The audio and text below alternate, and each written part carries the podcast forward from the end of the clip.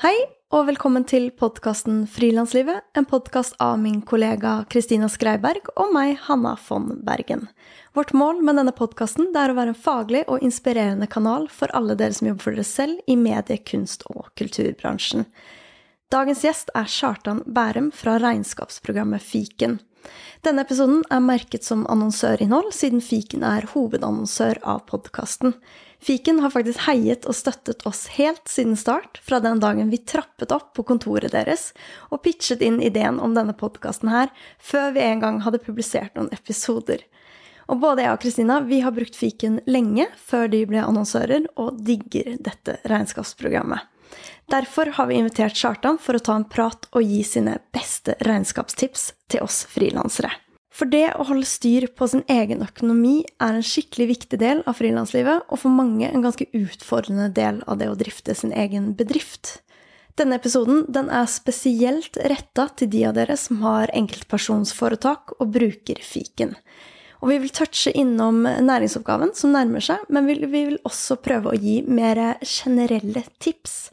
Fiken har derimot egne gratis webinarer for hvordan du kan levere inn næringsoppgaven, så vi anbefaler deg å sjekke ut disse. Og for de av dere som er helt ferske i gamet, så vil jeg anbefale dere å først lytte til episode 7, Introduksjon til regnskap, med regnskapsfører Fred Gerhardstrand, hvor vi snakker om det helt grunnleggende du bør kunne når du fører ditt eget regnskap. Men i dagens episode skal vi derimot snakke til de av dere som allerede fører deres eget regnskap, men som f.eks. lurer på hvilke smarte fradrag bør jeg kunne? Hvilke funksjoner utover å sende fakturaer og registrere utgifter er lure å ta i bruk? Og hvilke feil gjør vi frilansere når vi fører vårt eget regnskap? Hei, Kjartan. Hei, Hanna. Hyggelig at jeg kunne komme her i dag. Hyggelig å ha deg her. Nå sitter vi begge på eh, dataene våre eh, på hjemmekontoret og snakker eh, derfra. Det er hyggelig å ha deg her i den digitale sfæren. I like måte, absolutt. Håper vi kan få lært litt fra oss i dag. Absolutt, det har jeg veldig troa på. Hva skal man tenke på når man fører sitt eget regnskap? Det er to hovedting jeg ville tenkt på. Det ene er å tenke at her må du faktisk gjøre litt jobb sjøl. Du må sette deg inn i litt regler. Litt, ikke så mye lover, men du må egentlig sette deg inn i, i, i fiken. Du må kontakte oss på support. Du må sjekke hjelpeartiklene våre. Du må lese, lese de. Du må, du må sende en e-post eller ta en telefon til oss. Eh, det er alltid en terskel med å starte og gjøre et regnskap sjøl. Hvis du har hatt en regnskapsfører som har gjort det før, og så skal du gå over og gjøre det nå alene, så, så er det jo òg en jobb å gjøre. Og Da er det å sette seg inn i de tingene, så, så får du òg veldig mye igjen for det. Selvfølgelig du kan spare litt penger, du kan sånt, men, men, ikke bare det, men òg det at du faktisk forstår litt av regnskapet sjøl. Du ser hvor er det du eh, bruker penger, hva type utgifter har du, hva type inntekter har du. Du får en litt mer forståelse av firmaet ditt. Og Det andre store rådet jeg vil gjøre, er å gjøre ting fortløpende. Prøv å unngå å, å vente til mai neste år med å gjøre regnskapet for 2021. Gjør ting etter hvert som det kommer. Når du får et kjøp, når du har en kvittering, så tar du bilder med appen, får det inn i programmet umiddelbart. Og hvis du gjør et salg, ja, så fakturerer kunden umiddelbart. Gjør disse tingene fortløpende så blir det veldig veldig mye lettere for deg. For selve innleveringene er ganske ukompliserte. Det som er komplisert, er å få gjort den fortløpende jobben. Registrer kjøp og salg. Gjør du det hver uke, så er det en veldig liten jobb som gjenstår når du skal levere momsoppgaven eller, eller skattemeldingen. Så, så, mitt aller beste råd er bare gjør ting fortløpende, og kontakt oss på support hvis det skulle stoppe opp. Det er et veldig godt råd, og eh, noe jeg kjenner meg godt igjen i også. Eh, spesielt siden jeg jobber med ganske mange forskjellige ting, så har det vært en prosess å lære seg når man skal gjøre en ny aktivitet eller eh, ja, en ny, ny, type oppdrag i sin frilansvirksomhet. Så er det litt jobb å sette seg inn Ok, hva innebærer denne type aktiviteten? Ja, det er akkurat det. Og, og første gang du skal gjøre noe, så kan jo alt være litt vanskelig. Første gang du skal sende en faktura, f.eks., eller første gang du får, en, får, et kjøp som du er litt usikker på, kan jeg føre fradrag for dette her, eller hvordan skal jeg føre dette her, så kan det være litt usikkert. Og Da gjelder det å bruke support, spørre oss. Og når du skal gjøre det andre gang, eller tredje gang eller fjerde gang, så er det veldig enkelt. Det meste i regnskap er rutiner. Og hvis du bare får gjort den rutinen, får satt deg inn sånn at du får den gode rutinen, så pleier det å være veldig enkelt å gjøre det når du har gjort det fem ganger allerede før. La oss snakke litt om frister. Eh, for hvilke viktige frister bør man egentlig passe på når man har et enkeltpersonsforetak? Ja, det er to hovedfrister. Eh, første dreier seg om moms. Eh, og klart Hvis du ikke er momspliktig, så veldig mange ikke er her, så, så, så er ikke de momsfristen noe du skal forholde deg til. Men hvis du er momspliktig, så er det da annenhver måned du skal levere en momsoppgave. F.eks. januar-februar skal leveres 10. april, mars-april 10. juni. Så du leverer de annenhver måned. Men for de som ikke er momspliktig, så er det egentlig én stor frist. Og det er skattemeldingen, eller det som før het selvangivelsen.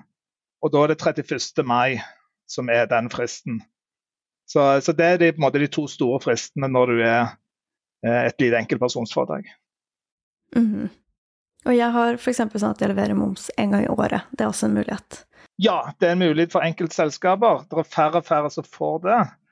Men uh, før så var det mange som fikk det, men nå har de endra litt på reglene. Så ingen nye selskaper får det fra starten av, men du kan søke om det hvis du, uh, hvis du uh, er under en million og du har levert alle fristen tidligere. Men generelt så vil jeg egentlig ikke anbefale å gjøre det. Eh, det som var fordelen med det før, var jo at du da slapp å levere til regnskapsfører annenhver måned. Du slapp å betale regnskapsfører og gjøre jobben seks ganger i året. Men når du nå gjør det sjøl, så er det å levere det seks ganger i året egentlig litt fordel. For da holder du deg litt mer à jour, og så slipper du at det plutselig blir litt sånn panisk jobb i mars. Så, så, for veldig mange så tror jeg det er en, en fordel å levere det annenhver måned, selv om du kanskje kan få lov til å søke om flere, levere ordre. Ikke sant. Tilbake til de her gode rutinene som du snakker ja. om. um, la oss eh, starte med egentlig å snakke om utgifter, eller kostnader. Um, hvilke type kostnader kan man føre på firmaet? det som det heter, at du kan føre alle de kjøp som måte, du gjør for å potensielt kunne tjene penger. Alt det som er knytta til selskapet ditt. Det mest klassiske er jo at hvis du kjøper inn en vare for å selge den varen senere, videre, så er dette en, en vanlig utgift du kan sette på selskapet. Eh, men det finnes veldig mange andre ting òg. Hvis du har en reise knytta til en tur til en kunde f.eks., eller en reise til, eh, til en plass du skal kjøpe noe eller skal selge noe, så er det noe du kan sette på. Men egentlig litt enklere sagt, så er det for et enkeltperson så er det å vurdere det jeg kjøper nå, er det privat eller er det firma? Og Hører det hjemme til firmaet, kjøper jeg dette her fordi at jeg skal drive firmaet mitt. Det er det som er hovedmotivasjonen med å kjøpe denne tingen. Så kan du mest sannsynlig kreve fradrag for det, dvs. Si å registrere det som et kjøp. Men hvis du kjøper dette her mest fordi det er privat, men kanskje bitte litt gøy på firmaet òg, men mest pga. det privat, så hører det ikke hjemme i regnskapet. Og da får du ikke lagt det inn som et kjøp. Mm. Ja, og det kan jo være litt sånn gråsone det her, kanskje spesielt for mange som er frilansere i kultursektoren. Fordi det her med det private og det som er firma, de kan jo oppleves litt som at de blander seg litt sammen. At en data f.eks. brukes like mye privat som til firma, eller trening som man kanskje trenger for å Hvis man eh, jobber med noe som er veldig fysisk, skuespiller eller danser, eh, så er jo de, de, grensene for når er det privat, når er det firma, er kanskje litt mer er litt vanskeligere? Ja, det kan jeg være. Og noen av grensene er litt flytende. Eh, andre litt mer eh, bastante, akkurat. Så, så, det som alltid er greit å vurdere i forhold til totalen i selskapet ditt òg Si at du skal vurdere kan jeg sette reiseutgiften her på selskapet mitt. Eh, jo, så vurderer det gjerne litt at hvis du har en omsetning som er på 50 000 kroner, og så ønsker du å sette 30 000 kroner som en reiseutgift, så er kanskje ikke det helt innafor. Det kan være det, men, men hovedreglene tenker at ok, nå kanskje tyner grensen litt. Men hvis du har en omsetning på en halv million eller en million, og du har noen reiser på firma, så sett gjerne det på Jeg tror, jeg ville prøvd å tenke litt sånn hvorfor kjøpte jeg denne tingen? Du nevnte f.eks. en datamaskin. Okay? Hvis jeg kjøper en datamaskin, jeg kjøper jeg den fordi jeg trenger den på jobb. Hvis jeg trenger den på jobb, det er derfor jeg kjøper den, så setter jeg denne her på, på selskapet. Det er en hovedregel som sier det at hvis du bruker en ting mer enn 50% i selskapet, så kan du føre hele denne utgiften på selskapet. Så derfor Hvis du kjøper et eller annet utstyr som du gjør det, du trenger det i firmaet, det er derfor du kjøper det, så setter du det på firmaet. Selv om du da bruker det kanskje en gang iblant privat òg, så kan du sette det på, på selskapet. Kan for så vidt nevne en annen ting òg. Eh, du har enkelte regler som er litt mer sånn strenge og kanskje høres litt merkelig ut. F.eks. har du en regel som går på telefon og internett. Den regelen sier det at du kan føre alle telefonutgifter, alle internettutgifter. Dvs. Si at du kan føre mobilabonnementet ditt på telefon. Du kan føre eh, internettabonnementet ditt hjemme i leiligheten din. Det kan du føre som utgifter på selskapet. Det går helt fint. Men på slutten av året så må du gjøre en avkortning basert på den private nytten du har hatt. For Skatteetaten sier jo, du skal få dette på selskapet, for at du hører til selskapet, men du bruker det òg privat. Så Derfor skal vi gjøre en avkortning. Eh, og Den avkortningen er på 4392 kroner.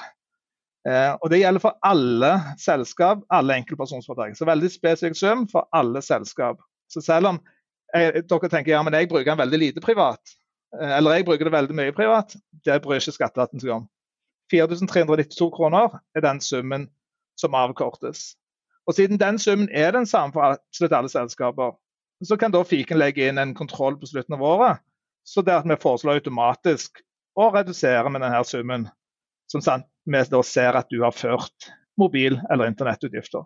Mm. Så hvis du er under den summen, så er det i, i utgifter så er det egentlig ikke noe poeng å føre det opp på firma, men hvis du har over den summen, i internett og telefon, så bør man føre det opp, men da blir det automatisk på en måte trukket fra den private delen. Ja, det stemmer helt korrekt. Så hvis du er under 4392 på internett og telefon samla sett i løpet av et år, altså 366 kroner i måneden, så, så, så får du egentlig ikke noe særlig fradrag her. Det gjør du ikke. Så til mer utgifter du har, til, bedre fradrag får du akkurat der, da. Det er det. Mm. Og hvis man har gjort et For det her har jeg fått spørsmål fra flere, og opplever også selv. Hvis du har gjort et oppdrag sammen med en eller flere andre frilansere, men du har f.eks. Eh, mottatt alle inntektene på ditt firma eller på mitt eget firma, så det kan være at jeg har spilt en konsert, og så har gitaristen eh, skal også ha litt av pengene, så han fakturerer meg. Eh, på mitt enkeltpersonsforetak. Eh, da har jo jeg på en måte en utgift som er gitaristen, så en inntekt som er fra konserten. Hvordan utgiftsfører jeg en sånn type kostnad? Ja, det kommer et av de begrepene som er litt sånn fremmedartet, som heter fremmedtjeneste. Eh, men det det egentlig betyr, er at sier du har vært på scenen, du har fått 10 000 kroner for et honorar, du får da en inntekt på 10 000, og så har du en gitaristen da, som skal ha 5000 kroner av det. Så sender han en faktur til deg, og så får han en inntekt på 5000. Og du sitter igjen med en slags overskudd da, på 5000. Så det kjøpet eh, tar du bare og fører. Det er en konto som heter 4500. Men det sier kanskje ikke så mye for de alle som hører på nå. Men hovedpoenget er at du fører det som en vanlig kjøp. Kjøp nytt kjøp i fiken. Du registrerer det som alle andre typer fakturer. Og det vil da redusere eh, skatten din. Det som mange er litt usikre på det. De tenker ja, men hvis jeg får alle 10 000 kroner inn på meg, så må jeg skatte av alt. Nei, det må du ikke, for du må skatte av 10 000, men minus de 5000 kroner som, som da blir fakturaen fra den andre. Og Det er akkurat derfor det er viktig å få inn alle de utgiftene du har krav på, sånn at du ikke ender opp på skatte med mer enn det du faktisk trenger. Men da er det òg viktig at det bandmedlemmet der faktisk sender deg en faktura. Du kan ikke kun betale det ut til han, den personen må da sende en faktura til deg. Når man skal utgiftsføre denne fakturaen, så vet jeg på det her som heter fremmedtjenester, eh, så er det noen ulike valg. Og her har i hvert fall jeg knota litt med hva som er den riktige type eh, kostnadskontoen. Ehm, for det er noe med AS og ENK og altså oppgavepliktig og ikke Jeg vet ikke om det er Er det for detaljert? Når det gjelder fremmedytelse, så er det to typer kontoer. Og det er noe som heter opplysningspliktig, som høres litt sånn fremmedarta ut. Det er en konto som heter 4500 fremmedytelse, og så er det en som heter 4550 fremmedytelse opplysningspliktig. Opplysningspliktig er et system som skatteetaten starta med for å, egentlig for å hindre svart arbeid. At et enkeltpersonsforetak som ikke har en, en, en fast utsalgssted, altså ikke har et kontor eller kiosk eller en butikk du kommer til, da skal du føre den utgiften på det som heter opplysningspliktig. Det betyr at skatteetaten skal kunne kontrollere hvor mye salg eller kjøp er det da fra denne firmaet. Mens de som for hvis du kjøper et aksjeselskap, noen som ikke er opplysningspliktig, så er det ikke samme krav til rapporteringen. Så Det er derfor skatteetaten ønsker at det skal skilles på disse to forskjellige kontoene der. For deg i ditt selskap så betyr det egentlig ikke så veldig mye. Det er samme type utgift for det. Du får ikke mer eller mindre fradrag, eller sånt, men det er bare en måte som skatteetaten vil ha litt mer informasjon hvis det da dreier seg om et annet enkeltpersonsforetak. Hvis man kjøper seg en data eller noe annet på en måte litt dyrt eh, som skal avskrives over tid, eh, hva er viktig å tenke på da? Både her må det avskrives, og hva, hva innebærer egentlig det? Ja, det kan vi ta litt om. Eh, det å avskrive betyr at du får fordelt utgiften over flere år. Vanligvis hvis du kjøper en ting til 1000 kroner, så reduserer det skatten 1000 kroner i år. Men så har skatteetaten en regel som sier at hvis du kjøper en ting som er dyr, og da mener de over 15 000 kroner. Man skal vare i tre år eller lengre. Og du skal ikke selge den videre til andre, du skal bruke den i selskapet. Da tenker de at da skal du ikke få alt som en utgift i år. Da skal det dele seg over flere år. For at du får nytte av denne tingen over flere år. Og, og da skal du gjøre det som heter avskrivning. Og eh, Hovedregelen da er bare at du registrerer det som et kjøp i fiken. Hvis du registrerer det som et kjøp på over 15 000, så vil fiken komme med litt annerledes advarsler. Da vil vi gi beskjed til deg at her, her ser det ut som at du bør registrere det som en eiendel. Um, og når du gjør det, starter med en konto som begynner på tusentallet, da, registrerer som en eiendel, så er det et par innstillinger du skal gjøre helt i starten. Du skal f.eks. velge hvor mange år tror du denne tingen kommer til å vare. Tre år, eller fem år, eller ti år. Eh, og Der er det et element av gjetting i det. For Du kan aldri vite hvor ja, det utstyret jeg kjøper nå, Varer det i tre år, eller fire år, eller fem år? Så du må bare ta en kvalifisert gjetting, eller kanskje ukvalifisert gjetting òg, men, men, bare gjør et forsøk. For eksempel, OK, den varer i fem år. Så skal du få utgiften fordelt over fem år.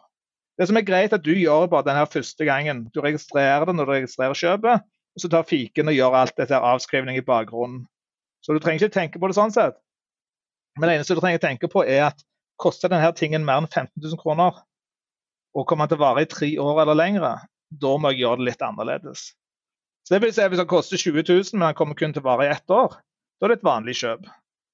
Men koster den 20 000 og varer i tre år eller mer, da blir det en eiendel. Mm. Og det her er ikke noe man kan velge, man må, fordi sånn er skattereglene. Hvis du kan velge, så ville bare alle valgt å bare være et vanlig kjøp i år. Så ville du fått fullt skattefradrag i år. Så skatteetaten sier skal den være i tre år, så må du fordele den over de tre årene. Det, det er ikke noe valg. Det, det er veldig enten-eller et svart-hvitt-spørsmål, egentlig, i akkurat de tilfellene. Har du noen gode tips til smarte fradrag? Og da tenker jeg vi kan starte å snakke om dette med hjemmekontor.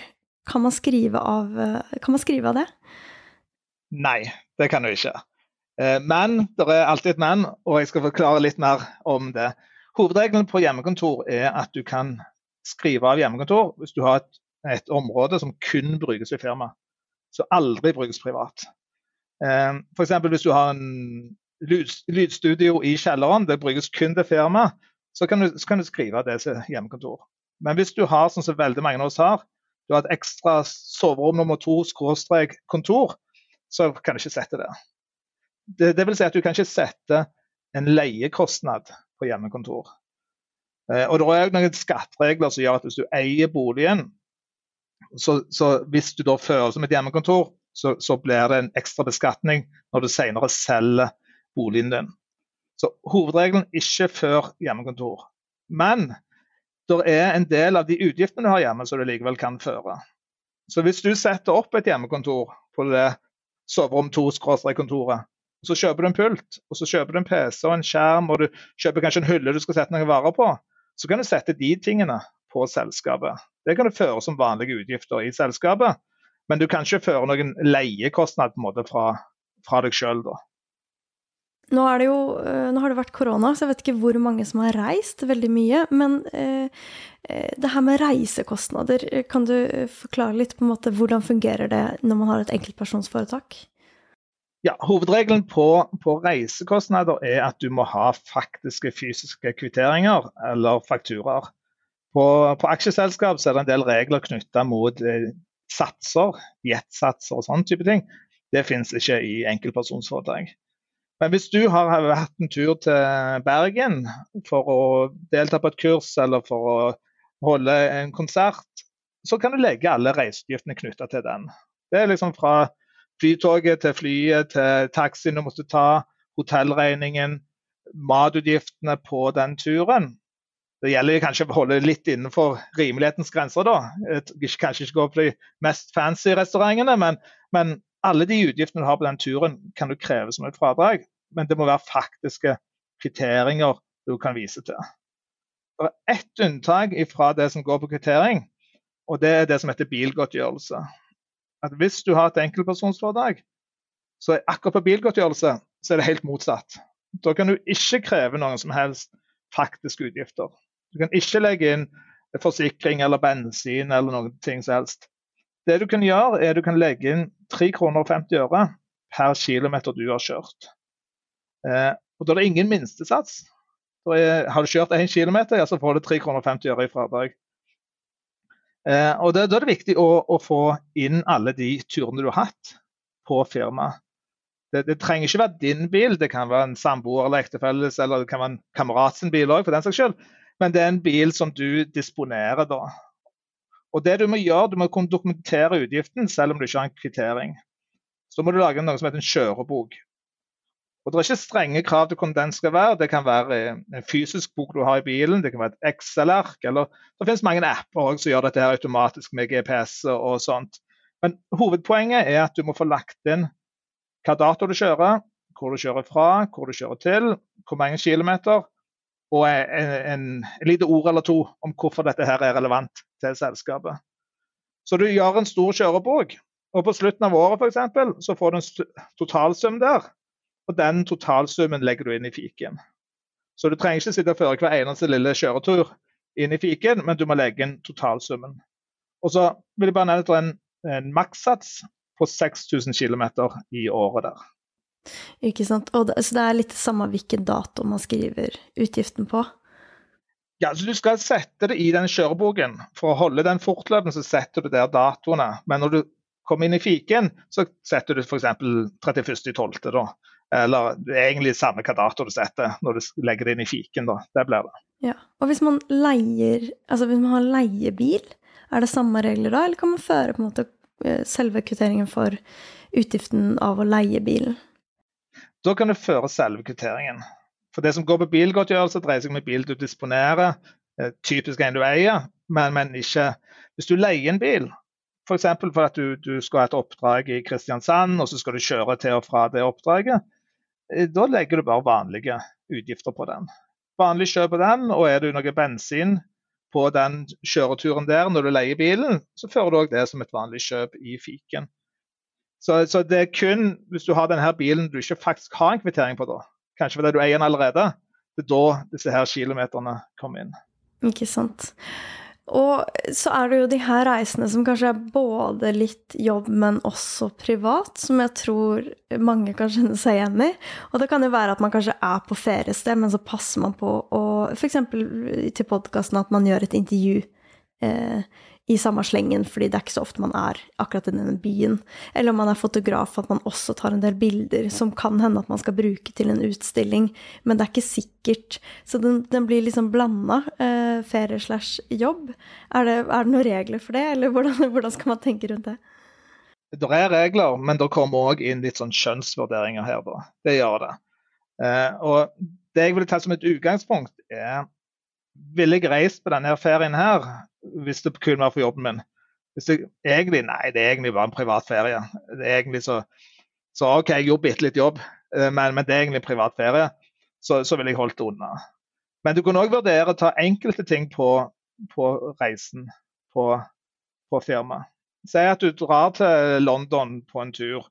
For du har et oppdrag, du skal holde noen kurs, du skal, du skal kanskje møte en potensiell kunde. Da setter du det på firmaet. Da setter du fly tur og tur, du setter hotell på firmaet. Mat på reisen på firmaet. Men så kommer du til fredagen, og så er du egentlig ferdig med oppdragene. Men så har du lyst til å drive litt shopping og se litt fotball i de siste par dagene. Da er det rent privat. Så da kan du ta vekk f.eks. de hotelloppholdet i de dagene som du egentlig kun er turist. Så tar du ikke med den delen. Du tar ikke noe mat eller hotell på de dagene, men du tar med på de dagene der du faktisk har litt jobb å gjøre. da. Så du kan gjerne ta litt sånn skjønnsmessige vurderinger òg. Mm, splitte opp eh, kostnadene litt etter dager og type utgifter? Ja, og alle utgifter når du vurderer kan jeg kreve fradrag for dette her, er det innenfor, er det utenfor. Til slutten av dagen, det som er spørsmålet, er jo hvis du får en kontroll, så er det en person som kommer til å spørre deg hvorfor hører dette her hjemme i selskapet ditt. Og hvis du har en god forklaring på det, så, så, så, så går det greit. Og har du en dårlig forklaring på det, så går det kanskje ikke så bra. Men skatteetaten er ganske greie å forholde seg til. Og det er mennesker som bare vil vurdere om høres det rimelig ut at du krever fradrag for dette her. Og, og da blir de òg gjøre totalvurderinger. For veldig mange av reglene er basert på større selskaper, store konserner med hundrevis av ansatte. For deg med et lite enkeltpersonsforetak så blir det en del sånne skjønnsmessige vurderinger òg. Og jeg pleier ofte å si at det blir på en måte som en strikk som du strekker. Og hvis en alltid i alle områder strekker den litt for langt, så plutselig ja, så går det gale. Men hvis du prøver etter beste evne å ta de beste mulige vurderinger, og gjerne spør enten oss på support eller andre òg, hvor går grensen, så pleier dette å gå veldig greit. Jeg tror de fleste skjønner ganske intuitivt egentlig jo, den reisen jeg hadde til London, var det en forretningsreise eller var det en privatreise? Og hvis han egentlig var begge deler, ja, så kanskje ta deler av å sette på da. Deler ikke setter på, og deler setter du på. Mm. Og her kan man gjøre seg selv en tjeneste ved å kanskje notere litt når du skriver eh, Når du bokfører en kostnad i fiken, skriv litt hva den var til, og hvorfor eh, den kostnaden er registrert, sånn at man husker tilbake. For det er vel fem år som man er pliktig til hvis man får en kontroll. Um, og vise opp regnskapet for de siste fem årene. Ja, det stemmer. Og det er veldig bra idé. For det, det kan være greit å tenke ja, men dette husker jeg. Jo, det husker du nå, men du husker det ikke om to år, tre år, fire år. Da, da, har du ingen mulighet til å huske det. Så skrive et lite ord eller to om hvorfor du tror dette her er relevant, er veldig smart. Og så sier du fem år du skal ta svare på. Det ligger jo lagra i fiken, så du trenger ikke å ha noe papir sånn sett. Det gjelder òg hvis du har gjort et kjøp, du har en kvittering, du tar bilde av den mappen. Da har du lagra i fiken, så kan du bare kaste papiret da. Du trenger ikke ta vare på noe av det. Mm. Um, og hvordan er det med mat og drikke? Der vet jeg at uh, veldig mange knoter litt i forhold til om man går ut og spiser uh, Hvis man sitter på kafé og jobber for seg selv, eller om man har et møte med andre, hva, hva, er lov å skrive, og hva kan man ikke ta med? Hovedregelen går på at en vanlig lunsj kan du ikke sette på selskapet. Og da pleier jeg å sammenligne det med at uh, jeg er ansatt i Fiken AS og den vanlige lunsjen jeg har hver mandag til fredag, den, den får ikke jeg dekket av arbeidsgiver. Det må jeg betale sjøl for i kantinen.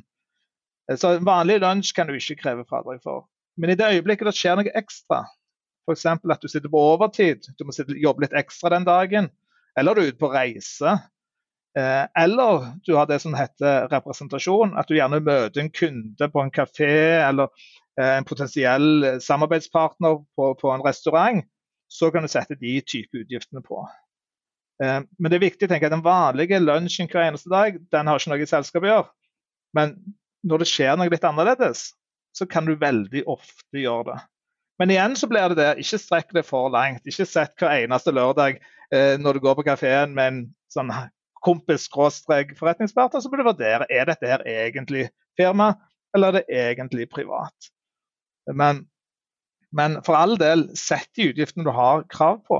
Hvis du må jobbe lenge, spesielt hvis du er på reise, så sett alle utgiftene som oppstår på reisen på firmaet. Det er en utgift som du gjør fordi du jobber. Men, men, men, det er ingen måte å definere at du kan få hver eneste lunsj eller maten hver eneste dag på, på firmaet. Er det noe mer du vil si om kostnader, som er på en måte kostnader kanskje folk glemmer å føre? Eller eventuelt fører som egentlig ikke burde bli ført, som du eh, tenker er lure å nevne? Jeg tror de fleste vet ganske greit hva type utgifter som hører hjemme i regnskapet. Eh, en del som ikke er klar over dette med internett, at du kan føre internettet ditt hjemme i leiligheten din f.eks. Det kan absolutt være viktig å få med. Eh, internett og telefon samla. Det kan bli noen tusen ekstra der. Og all mat og, og, og, reiseutgifter som er relevante på selskapet. Det er viktig å få med. Og så tror jeg òg det er viktig å ikke overdrive hvor mange utgifter som settes på selskapet. Jeg tror det, det, er viktig å få med det du har rett på, men det er viktig å ikke tyne alle grenser hele tida. Det er ikke om å gjøre å få minst, minst mulig overskudd. Det er om å gjøre å få riktigst mulig overskudd. Jeg tror nok en del som dessverre har gått på litt smeller nå i forbindelse med f.eks. korona. Og så ser du nå at du får ganske mange positive ting òg med å ha en høyere inntekt. For gode støtteordninger, bedre permisjonsrettigheter, bedre arbeidsledighet. Så, så jeg ville ikke prøvd å tynt alle grensene på alle de forskjellige tingene. Jeg vil bare tenkt mest mulig ærlig for deg sjøl. Hører det hjemme i regnskapet? Er det relevant? Kjøpte jeg dette primært fordi at eh, jeg skal gjøre det i selskapet, da føles det som en utgift. Og selvfølgelig er, er Hvis det er noen som er usikker, så er det jo bare å spørre oss òg. Det er jo bare å sende en e-post spør oss tror du det kan eh, føres som en utgift. Og så kan vi i nesten alle tilfellene så kan vi da svare ja eller nei. Og Kanskje en sjelden gang må vi henvise til skatteetaten, men som oftest så har vi et svar på det spørsmålet. Mm. Det er veldig fint at du nevner, for jeg tror jeg eh, tror det er veldig fort gjort å bare tenke på at man vil eh, betale litt mindre skatt. Og derfor vil man liksom eh, virkelig være nøye med at alt som kan registreres som en kostnad, registreres. Og så kanskje man glemmer bort litt det her eh, Ja, både å bruke skjønn og faktisk være kanskje litt streng i vurderingen, eh, og også hvilke andre typer langsiktige effekter da, det kan ha, det å minske overskuddet du sitter igjen med ja, jeg tror det kan gå i en felle hvis, hvis alt spør, er spørsmål om å få mest mulig utgifter på selskapet. Så jeg tror jeg fort du kan gå i en felle der. Eh, Skatteetaten kan selvfølgelig ta deg hvis du skal få kontroll. Eh, eller du kan bare være usikker og stressa sjøl for at å, var jeg litt for kreativ her nå? Men òg det å få den inntekten på plass i tilfelle det skjer noe. Og Det var ingen av oss som forutså korona, men den kom plutselig. Og da, da er det nok mange som har tjent på å være eh, snille der, da, tjent på ikke å være grådige når det gjelder fradragene. Så, så jeg tror det gjelder å, å, være mest mulig ærlig, ikke få mest mulig fradrag. Mm. Men selvfølgelig, du skal kreve det du har rett på, det er ikke det. Men bare ikke tyne grensene for mye.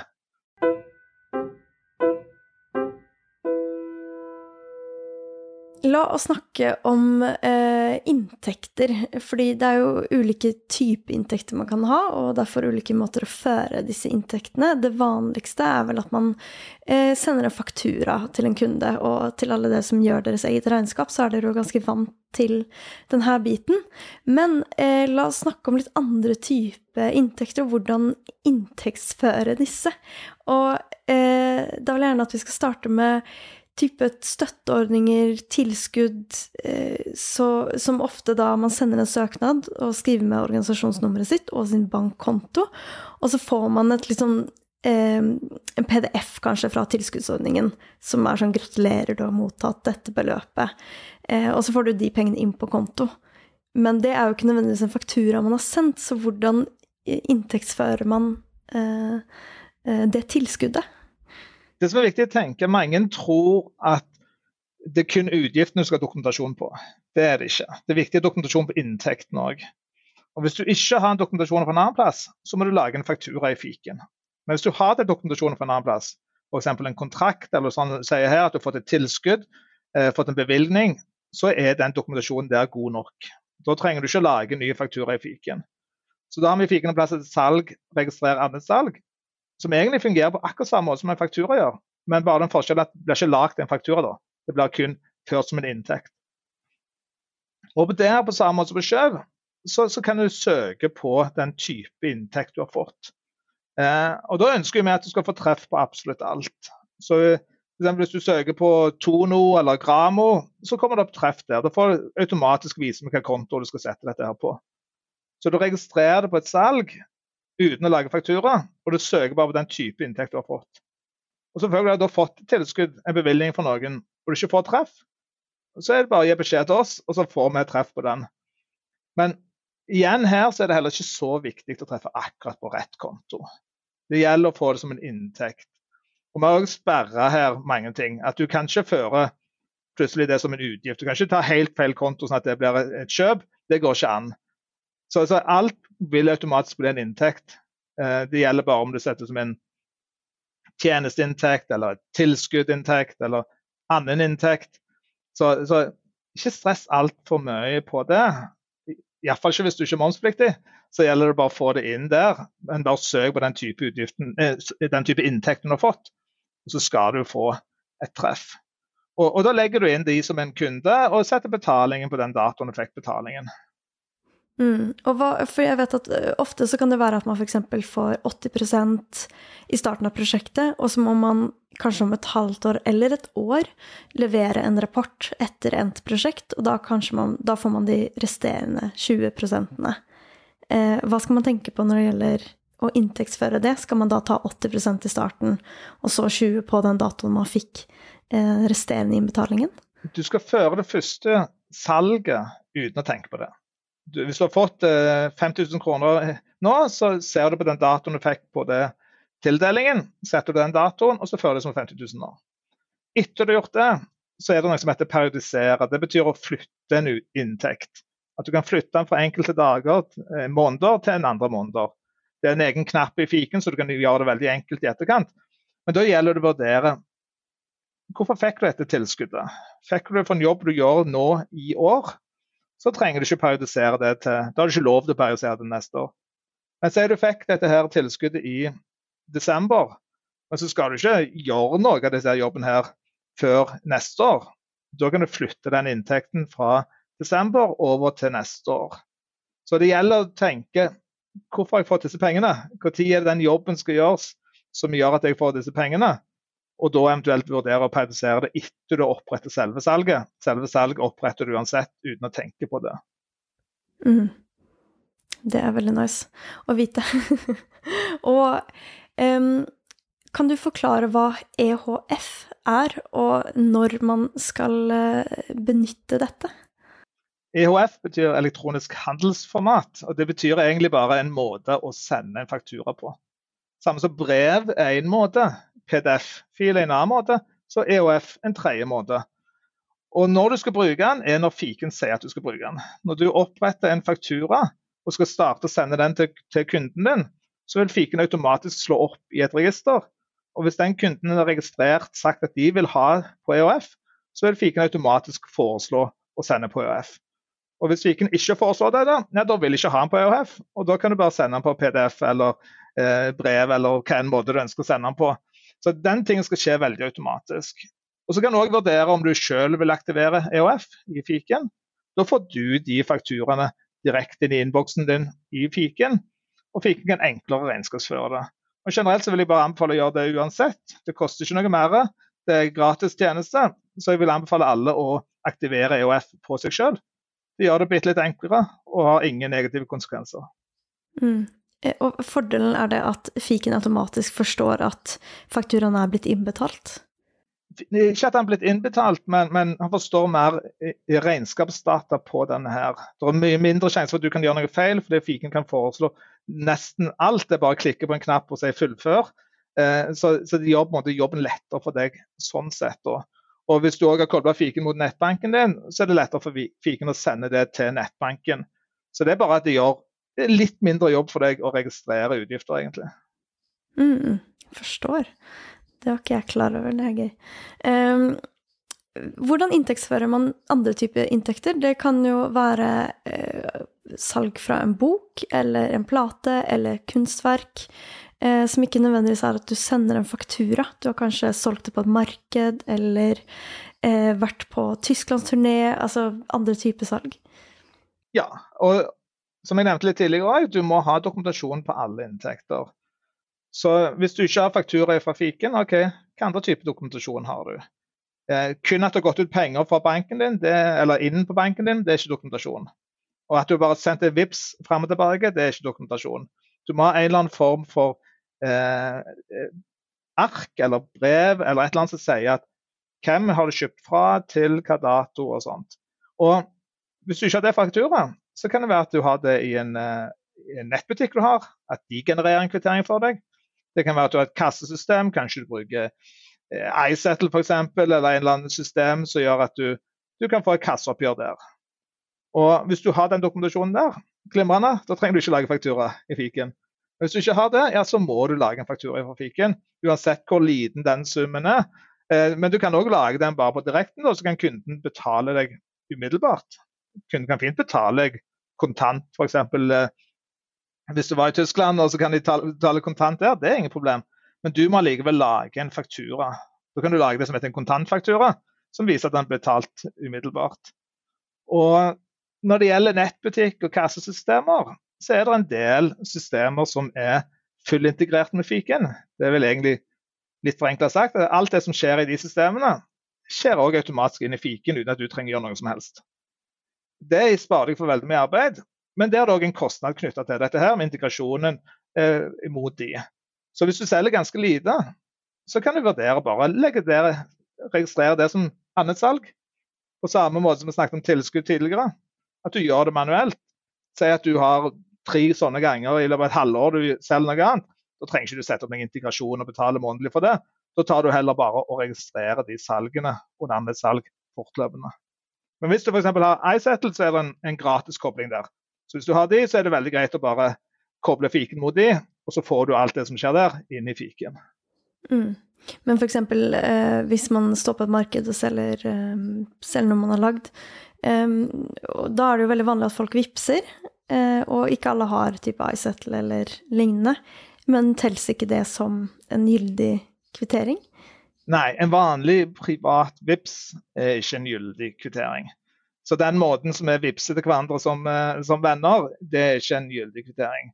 Det finnes enkelte andre typer eh, systemer i VIPS som er litt mer betalingstjenester og den type ting, så, som kan ha gyldige kvitteringer. Men, men, det er ingenting i veien for å, å, å lage på denne kvitteringen i fiken. Og allikevel ta det med VIPS. Du kan fint kan betalt med VIPS, men du må bare lage denne her kvitteringen i tillegg da, i fiken eller i iSettle eller i et eller annet annet system.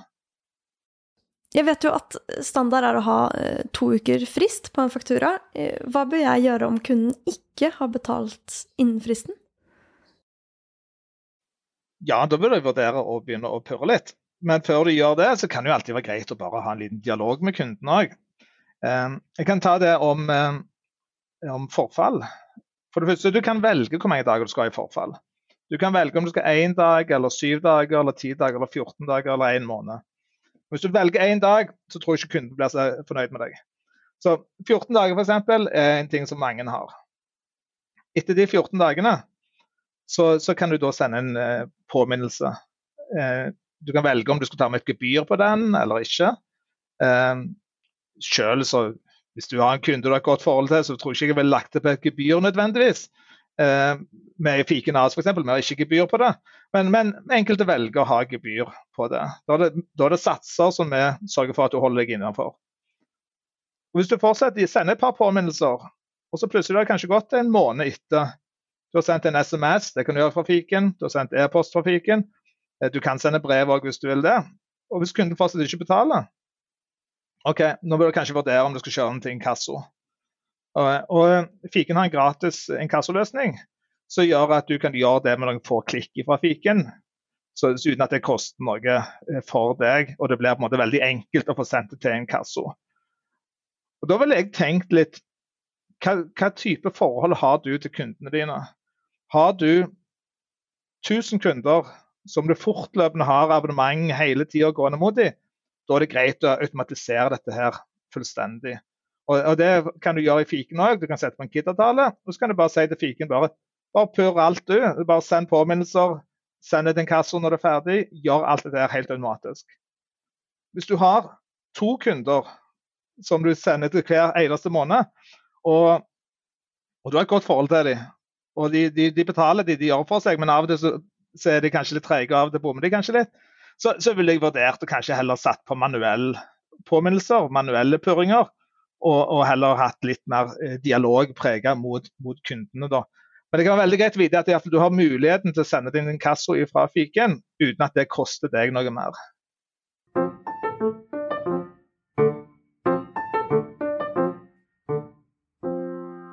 Og så, la oss snakke litt om moms. Ehm, for en del av dere som lytter, er ikke momspliktig. Eh, kultursektoren er jo en sånn liten gråsone av moms, hva er ikke momspliktig, og hva er momspliktig. Men eh, siden en del av dere kanskje ikke er momspliktig, så kan vi jo begynne med eh, eh Kjartan, kan du først kort og greit forklare hva moms er, og på en måte hvordan det funker? Moms er en skatt på salg. Eh, Skatteetaten kaller det en avgift, men det er egentlig en skatt på salg. Eh, og Det er en skatt som i utgangspunktet er 25% og den skal være på alt salg. Så Alle ting som blir solgt i Norge, skal som en hovedregel ha 25% ekstra skatt på seg. For å få lov til det hele tatt å, å bli momsregistrert, for å få lov til å selge med 25 så så må du da registrere deg i momsregisteret. Dvs. Si at du må ha solgt for 50 000 kroner i løpet av 365 dager før du hele tatt får lov til å legge på denne her momsen. Men så er det viktig å tenke at det er ikke alle som skal gjøre det. Det er unntak for denne her hovedregelen. Og det er ganske mange unntak. Og det kan være ganske vanskelig av det å forstå hvor faller jeg inn, kommer jeg inn under unntaket eller utenfor. Så, så, igjen, selvfølgelig spør oss på support hvis du er usikker på det. Men en hovedregel er det at hvis du som kunstner selger dine egne ting, noe du sjøl lager, enten at du er en musiker som selger musikken din, står på en scene, eller du er en maler, kunstner, billedmaler, selger dine egne verk, så skal du slippe moms på det. Det gjelder kun hvis du er et enkeltpersonsforetak. da. Og så er det enkelte andre unntak hvis du eh, driver med undervisning og enkelte helseting som gjør at du skal slippe moms på det. Så hvis du, Egentlig så er det, det er veldig uvanlig at folk slipper moms. Men i akkurat i bransjen her så er det nok litt vanlig, da. Men, men hovedregelen er at det skal være moms på alt. Mm. Og her, eh, det husker jeg fra den eh, gangen jeg ble momsregistrert, at det her var ganske forvirrende, fordi en del av det jeg gjør, er momspliktig, og en del er ikke momspliktig. Og her er det viktig å nevne at det er på en måte aktiviteten du gjør, som dikterer om det skal være moms eller ikke, og ikke nødvendigvis eh, hvilket yrke du har. Så eh, det kan jo være at du driver med både eh, undervisning og foredrag. Men da er undervisning ikke momspliktig, men foredrag kan være momspliktig. Skatteetaten vil ikke se på De vil ikke vurdere hva du kaller deg sjøl, de vil se på kvitteringen på fakturaen. Og Hvis det står på fakturaen så står det salg av vare, f.eks., så vil det være fort momsplikt uansett. Hvis det står eh, musikkoppdrag, spilling på scene, så, så er ikke det i fiken så har du disse kontoene som vil hjelpe deg til, til, å gjøre det. Men det er viktig poeng her er å at det er ikke det at du kaller deg for kunstner, at du er musiker. Det er ikke det som betyr noe for skatteetaten. Skatteetaten vil si ja, men hva gjør du som en musiker da? Står du på scene, greit, det er det ikke moms på. Selger du CD-er, selger du merchandise, T-skjorter i forbindelse med en konsert, det er momspliktig. Det er vanlig salg av varer. Selv om du er på en måte en kunstner eller er musiker, så den delen er vanlig salg av varer, og den delen vil danne grunnlag for momspliktig. Det vil også si at for å da passere de 50 000, så må den delen der være over 50 000.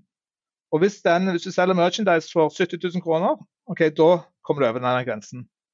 Men det du selger som musiker på scenen etterpå, det vil fortsatt være uten moms. Så det vil ikke endre seg der. Det er bare at den delen som da blir eh, merchandisen vil da bli med moms. Og, og, Dette er litt vanskelig. Når, når, du begynner å dele det med to forskjellige, litt med moms og litt uten moms, og sånt, da, da blir det litt komplisert. Det, det er det. Eh, vi har egne webinarer på det og tar gjerne og spør oss på support, men, men, men det, det, det, er, ikke det letteste. Det er det ikke. Nei, det er bra. Det her er jo eh, Ja, det her er et veldig vanskelig område, tror jeg, for veldig mange frilansere. Og jeg ser at det er veldig mye spørsmål på nettet som florerer, og da er jo et av de her spørsmålene er eh, moms på undervisning versus foredrag. Og la oss bare snakke litt om den, fordi det tror jeg er veldig relevant for de fleste som kanskje har undervisning, har som regel foredrag eller workshops og ulike måter da, å formidle sin kunnskap på. Eh, hva er det som er momspliktig og ikke i, i, av de tingene? Grensen blir veldig spesifikk, og grensen blir veldig at du av og til bare må få forklart spesifikt ditt, din situasjon. I utgangspunktet så er det jo moms på alt. Og så er det et unntak på moms på undervisning. At undervisning er det ikke eh, moms på. Men så er det et unntak fra unntaket som går på at hvis du underviser i noe du selv har lagd, selv selger, så er det moms på det allikevel. Og hvis du driver med konsulentvirksomhet, hvis du driver med Gjerne du lærer det samme, men at du sitter i et rom med to personer og, og forklarer det til de hvordan du skal gjøre noe, da er du en konsulent. Da skal det være moms på dette her. Hvis du sitter i en klasserom med 30 personer og snakker om egentlig akkurat det samme, men da er, driver du med undervisning, eh, for da sitter det i klasseromssetting, og da er det mange personer, og da slipper du moms på det. Det beste rådet jeg kan gi der, er rett og slett bare å spørre oss. For det er så forskjellig fra person til person hvis du er akkurat i den grenseskillet der. Og det er ikke alltid du nødvendigvis kan tenke at han, han kameraten min eh, har ikke moms, og derfor skal ikke jeg ha moms. Det kan være at det er noen forskjeller mellom det du gjør og det han gjør, som gjør at det skal behandles forskjellig. Da. Det er det. Og, ja. Nei, og nå er det jo litt spesifikt det her, men eh, jeg har også hørt noe om at når det er undervisning, så er det gjerne en eh, dialog fram og tilbake, f.eks. til eh, da i klasserommet eller til en gruppe mennesker som kan stille spørsmål, og ja, det er en dialog mellom deg som underviser og de som deltar, mens i et foredrag så er det mer at du kanskje er oppe på scenen, og så gir du et foredrag fra start til slutt, og så går du av. Eller at det er forhåndsinnspilt eh, video, f.eks., i et kurs, som ikke har den her eh, fram og tilbake-dialogen, da. Eh, er det jeg har hørt at kan være forskjell? Det kan være. det kan være. Jeg har ikke, jeg har ikke, ikke tatt den distinksjonen sjøl tidligere. Jeg har ikke lagt merke det. Godt være det uh, men, men, jeg klarer ikke å ta den på direkten. Og, og det er òg et av de plassene som liksom, så komplisert er det at du kan sitte og holde på med det i, i 15 år, og så kan det fortsatt være områder som du ikke klarer å svare på. Uh, så, så det, er liksom vanskelig. Uh, så ja, det kan godt være du har rett. Jeg klarer bare ikke å svare på det akkurat den. Mm. Og her eh, vil jeg komme med et tips, og det er jo hvis man eh, på en måte står fast litt, eh, og man har brukt support, man har lest hjelpeartikler, så er det jo også mulig å huke inn en regnskapsfører for liksom en rådgivningstime, og rett og slett kartlegge hvilke type inntekter, hvilke type kostnader har du i ditt firma. For ofte så ligner jo de ganske mye. Som frilansere så gjør vi ofte de samme type oppdragene, samme type prosjektene. Og da kan man eh, lære seg litt om hva er korrekt måte å regnskapsføre det på. Eller hvis man trenger enda større trygghet, så kan man jo faktisk ha en regnskapsfører til å sjekke at man har gjort det korrekt før man skal levere eh, næringsoppgaven, f.eks. Absolutt. Og det er mange forskjellige nivåer av å få hjelp. Det kan være fra å, å bare sende en e-post, det kan være til oss, til å delta på, på webinarer vi har der, der du får en mer overordna gjennomgang. Til som du sier, få en regnskapsfører. og Da kan vi gjerne også sette kontakt med regnskapsfører vi vet kjenner til fiken. Eh, få en regnskapsfører som kan hjelpe med bare en rådgivningstime her eller der. Eller få en regnskapsfører til å ta mer overordna kontroll. Og òg spørre skatteetaten. Skatteetaten er et av de organene, offentlige organene som, som, som gir ganske bra service og som svarer ofte ganske fort. Akkurat nå i mai så er det nok litt vanskelig å svare, svare kjapt, men de har en egen chattjeneste som er betjent av virkelige mennesker. Så det kan være en ting å sjekke ut. Spør gjerne de. Spør de, forklar jeg driver med sånn og sånn omsetning, er det momspliktig? Og så kan du få svar fra de. Eller du kan spørre oss òg, eller du kan spørre både oss og skatteetaten. Og hvis vi begge to gir samme svar, så er du kanskje litt uh, sikker på at, uh, at, du har truffet riktig. Så, så, så det er ikke noe i veien for å ha variasjoner av hjelp fra f.eks. regnskapsfører. Det er mange i fiken som bruker regnskapsfører òg. Men, men, målsetningen vår er på en måte at alle som vil, skal kunne ha muligheten til å gjøre hele jobben sjøl. Mm. Og de fleste eh, bedrifter er jo momsregistrert. Som vi snakka om, så er det mer unntak at man ikke er det. Så for den som får din faktura eh, med moms, så har jo det ofte ikke så mye å si. Det er jo mer privatpersoner som eh, det blir litt dyrere for, da, den varen eller tjenesten. Eh, så jeg tror at veldig mange kvier seg egentlig for å bli momspliktig, og kanskje prøve å unngå det. Eh, men at det er mer en sånn formalia, og ofte så har det ikke så mye å si for den som du sender fakturaer til. Ofte så er det ikke det. Hvis de du sender faktura til selv er momspliktig, eh, f.eks. med Fiken AS sender fakturaer pluss moms, og hvis jeg sender den til et selskap som ikke er momspliktig, eh, så, så vil det faktisk bli litt mer utgift. Men hvis du sender det til et selskap som er momspliktig, så, så, vil ikke de bry seg. Moms er ikke en utgift, det er ikke noe du må betale i selskapet ditt. Det er bare noe penger du tar vare på for å gi videre til skatteetaten. Så, så, for et selskap så det, betyr det ikke noe. Men hvis, hvis du sender til en sluttbruker, hvis du sender til en person som ikke har selskap, en privatperson, så er det jo en ekstra, eh, ekstra kostnad for de. Men da er det viktig å tenke at OK, det er ikke noe du kan velge dette her hovedregelen er at du skal være båndspliktig. Og hvis du passerer de grensene, og hvis du havner inn i de kategoriene altså, Dette er svart og hvitt sånn sett. Da skal du momsplikte deg, og da skal du gjøre sånn som så 90% av alle andre foretak allerede gjør. Så, så, det er ikke så mye valg her å gjøre. Det gjelder bare å, å være sikker på om du faller inn under den, den regelen eller en annen regel. Hvis man har litt ulike typer aktiviteter man gjør som frilanser, hvor noe er momspliktig og noe er ikke momspliktig, Eh, hva skal man tenke på når det gjelder kostnadene man har? Da skal du føre de med moms hvis det er knytta til noe du selger med moms. Og du skal ikke føre det med moms for deg hvis det er knyttet til noe du ikke selger med moms. Og hvis du har noe som knytter seg til begge deler, det, det, er, liksom, det er en utgift som er litt eh, dreier seg om moms, litt ikke moms, så skal du føre de med en forholdsmessig momsfradrag. Og det vil si, veldig forenkla sagt, hvis du selger 40% av omsetningen din med moms, 60% av omsetningen uten moms, så får du bare fradrag for 40% av momsen på dette her kjøpet. Mm. Her kan man jo gå inn når man registrerer en kvittering eller kostnad, og splitte den og lage liksom to linjer, sånn at man setter 40 med beløp eh, med og 60 uten, f.eks.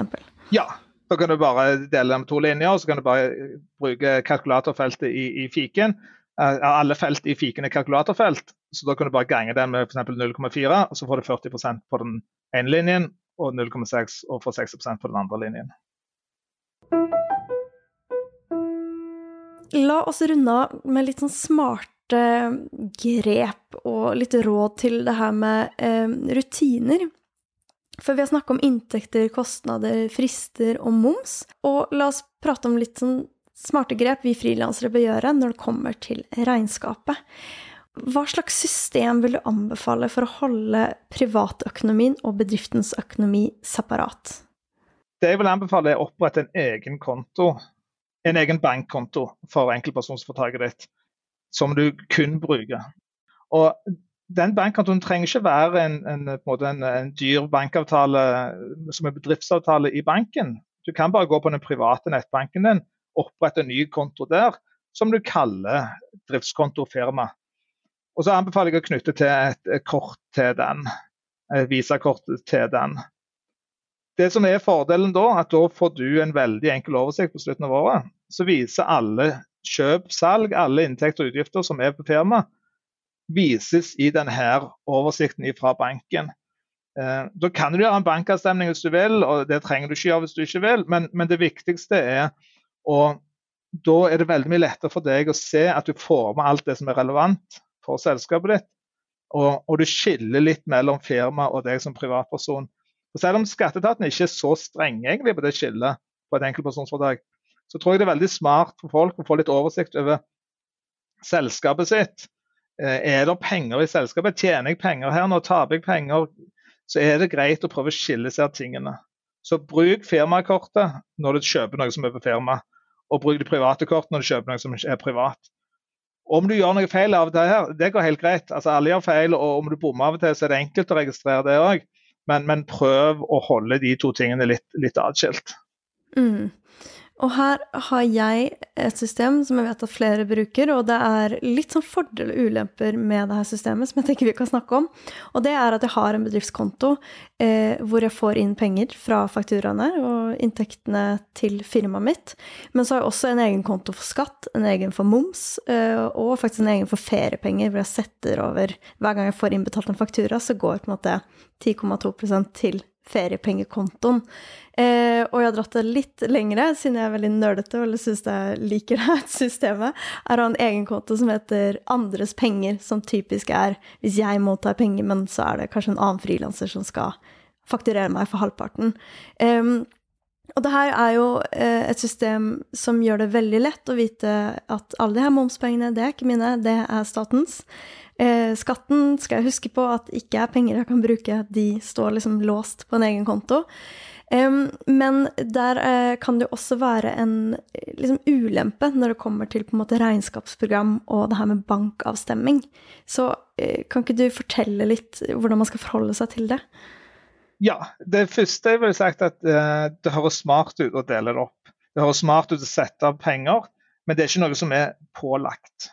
men selv om det ikke er pålagt, så er det, kan det være smart å gjøre det. Og jeg, hvis du er ansatt en plass når jeg er ansatt i Fiken AS, så trekker de skatten før jeg får lønn. Så jeg får inn den summen, den summen vet jeg jeg skal bruke. Det kan jeg bruke på hva jeg vil. Men når, når du er et enkeltpersonforetak, så, så, er det ikke samme måten. Da får du inn en stor sum, og den summen må du trekke av moms på.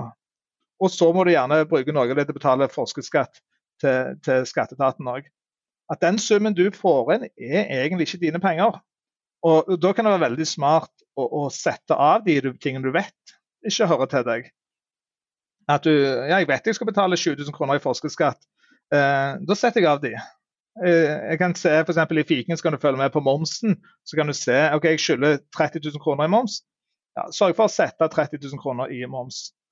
Og Når det gjelder feriepenger, så er jo det òg veldig smart. Eh, da kommer det det kommer også et spørsmål om likviditet her inn. Hvis du er i en posisjon at du, du kan sette av eh, 40 000 kroner til feriepenger til neste år, så er det kjempebra. Eh, men det er ikke sikkert alle er i den posisjonen at du kan gjøre det. Så, så, men hvis du er det, så er det glimrende. For det, det som er greit å tenke også, at For veldig mange, når du drar på ferie, så får ikke du en oppdrag da. Så har du ikke penger som kommer inn i den måneden. Og Da er det jo fantastisk bra hvis du kan ha klart å spare opp de feriepengene, sånn at du da likevel kan ha et, et romslig budsjett på, på, ferien. Så det er litt forskjell mellom det som på en måte er pålagt, og det som kanskje kan være likevel smart. Og, og det er kanskje, Vi snakket litt tidligere om hva den største feilen folk gjør. Og En feil som folk kan gjøre, er det å ikke sette av penger til skatt. Ikke sette av penger til moms. Og Spesielt hvis du er årlig momsregistrert, f.eks., og så plutselig får du en momsregning på på 40 50 60 70 000 kroner, det ganske, kan være en ganske heftig regning for mange. Men hvis du er flink til å sette av de pengene til momsen hele tida, eller eh, gjør det annenhver måned, og, og sørger for å betale forskerskatten, beregne god forskerskatt, sånn at du unngår restskatt. Det er på en måte en klisjé, men det er veldig mye enklere å betale 5000 kroner ekstra hver måned enn å plutselig måtte betale 60 000 ekstra eh, den ene måneden du får den store regningen. da. Mm. Her er det litt tilbake til det med rutiner og systemer. Og jeg vet jo at eh, bankavstemming er en funksjon som fiken eh, har og anbefaler, eh, selv om jeg med enkeltpersonsforetak ikke er pliktig til å bruke det. Så, eh, og kan du fortelle litt hva er bankavstemning, og hvorfor er det smart å bruke? Bankavstemning er den måten du best skal kontrollere om det du fører er riktig. For at Fiken har en del kontroller som gjør at den prøver å hindre feil. Um, men vi kan ikke garantere det 100 det, det, det er alltid mulig til å gjøre feil. Men i det øyeblikk du gjør en bankavstemning, så kontrollerer du og unngår å gjøre disse feilene. Og En bankavstemning betyr egentlig bare at du side ved side ser hva du førte i fiken, mot hva skjedde i virkeligheten i banken. At du ser ok, det gikk ut 10 000 kroner i banken, og fiken har ført 10 000 kroner ut. Greit, da vet du den er riktig. Eller at du gikk ut 5000 kroner i banken, fiken har ikke ført noen ting. Ok, Da er det 5000 kroner som har gått ut i banken, som, som, du må finne ut hvorfor. Og Da finner du gjerne den kvitteringen, da finner du den dokumentasjonen. Og Det er jo plutselig at du da får et fradrag på 5000 kroner, som du kanskje ikke hadde fått med deg hvis du ikke hadde gjort noen bankavstemning. Rett Du kontrollerer deg sjøl. Du, du, får en mulighet til å få med deg alle inntekter og alle utgifter, som gjør at du kan være mye mer sikker på at det du leverer, er et korrekt regnskap. Mange tenker sånn bankavstemning som på en måte noe negativt. Det er litt sånn kjedelig, det er ikke veldig spennende. Men, men, det er den beste måten du kan gjøre for å sjekke at det du gjør, faktisk da er riktig. Og Hvis du har gjort en bankavstemning i enkeltpersonforetaket ditt, så skal det, og den går opp, den blir riktig, så skal det veldig mye til for at du, du kan ha gjort så veldig store feil. Mm. Og hvis man da eh, kanskje ikke har vært så nøye, og man kanskje har tatt noen utgifter på eh, privatkontoen eller med et annet kort, og, eh, så er det også mulig å føre disse kostnadene som private utlegg. Ja. Eh, for, at det, for, at det, på en måte, for da kommer det ikke opp i bedriftskontoen, den utskriften. Det stemmer. Altså, du, kan, du kan føre alle disse utgiftene selv om du ikke har gått mot banken. Da bare markerer du at de er betalt privat. Og hvis du nå tenker at jo, bankavstemning er også bra, jeg skal starte et nytt og bedre liv, dette her vil jeg gjøre, så kan det kanskje være greit ikke nødvendigvis å gå tilbake halvannet år tilbake og se januar 2020. Det kan være at du rota veldig med økonomien der, hadde mye betalinger. så gikk men, men, OK, start fra nå av. Start nå, f.eks. 1. mai eller 1. juni, og gjør det korrekt framover. I et enkeltpersonforetak så har du den anledningen til å på en måte bare si at nå skal jeg starte en bankavstemning, og så gjør du det riktig framover. Mm. Det er litt som når man var skolebarn og fikk den nye sekken og pennalet og liksom gjorde alt klart til skolestart og tenkte at nå, nå skal jeg ha det fint og system. Eh, og så skeier det alltid litt ut. Og det her syns jeg er en gjenganger i når man snakker om eh, tidsstyring eller regnskap eller hva nå enn det er, at eh, man vil alltid liksom falle litt av. Og så handler det om å hente seg inn og prøve å opprettholde og finne en måte som man kan gjøre ting jevnlig på og ha oversikt. Jeg tror vi alle liker å sette på en måte Nå skal vi være flinke, nå skal vi starte. Nå skal vi gjøre alt korrekt. 100% korrekt, og framover blir alt bra. Eh, men hvis du da klarer å bli 80% korrekt, så er det veldig bra, det òg. Og det er ikke om å gjøre, å gjøre alt 100% korrekt eller bare gi blaffen. Til mer korrekt du klarer å få det, til bedre er det. Og, og fiken er òg en, en plass du du skal litt på skolen, sånn som jeg snakker om. Du skal lære litt. Du skal sette deg litt inn i regler, du skal forstå litt, du skal lese noen hjelpeartikler. Du skal spørre oss, eh, du skal spørre skatteetaten. Og så skal du gradvis kunne dette her bedre og bedre.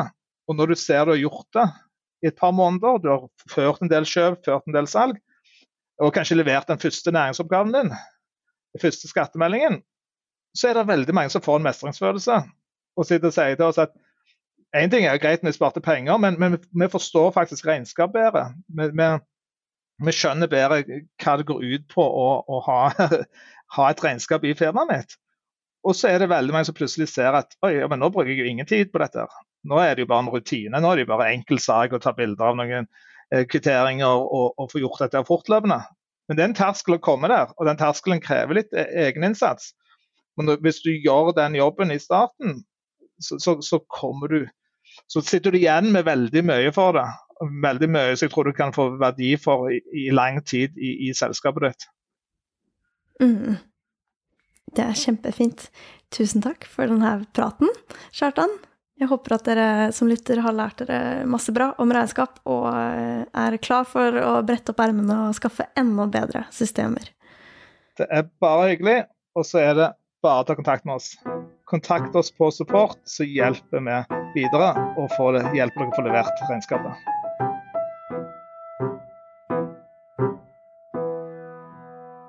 Velkommen til Kjemperådet! Yes, Denne gangen har vi fått inn et kjempedilemma fra en familie. Okay. Jeg leser Hei, vi er litt uenige i familien her. Mm. Hvis du skulle vært et dyr, ville du hatt gjeller eller vinger? Oi, den er tricky. Ja, Hva ville dere hatt, da? Altså, jeg vet ikke, men Med familierabatt får du ubegrenset data fra Telenor fra 399 kroner. Da kan du scrolle seg til svaret, rett og slett. Ja, ok, Men for min del Ja. gjeller. Nei, nei, Nei. nei, vinger. Nei, nei, Ja, okay, ja, Kjempebra. Men eh, se nye mobilabonnement på telenor.no, da.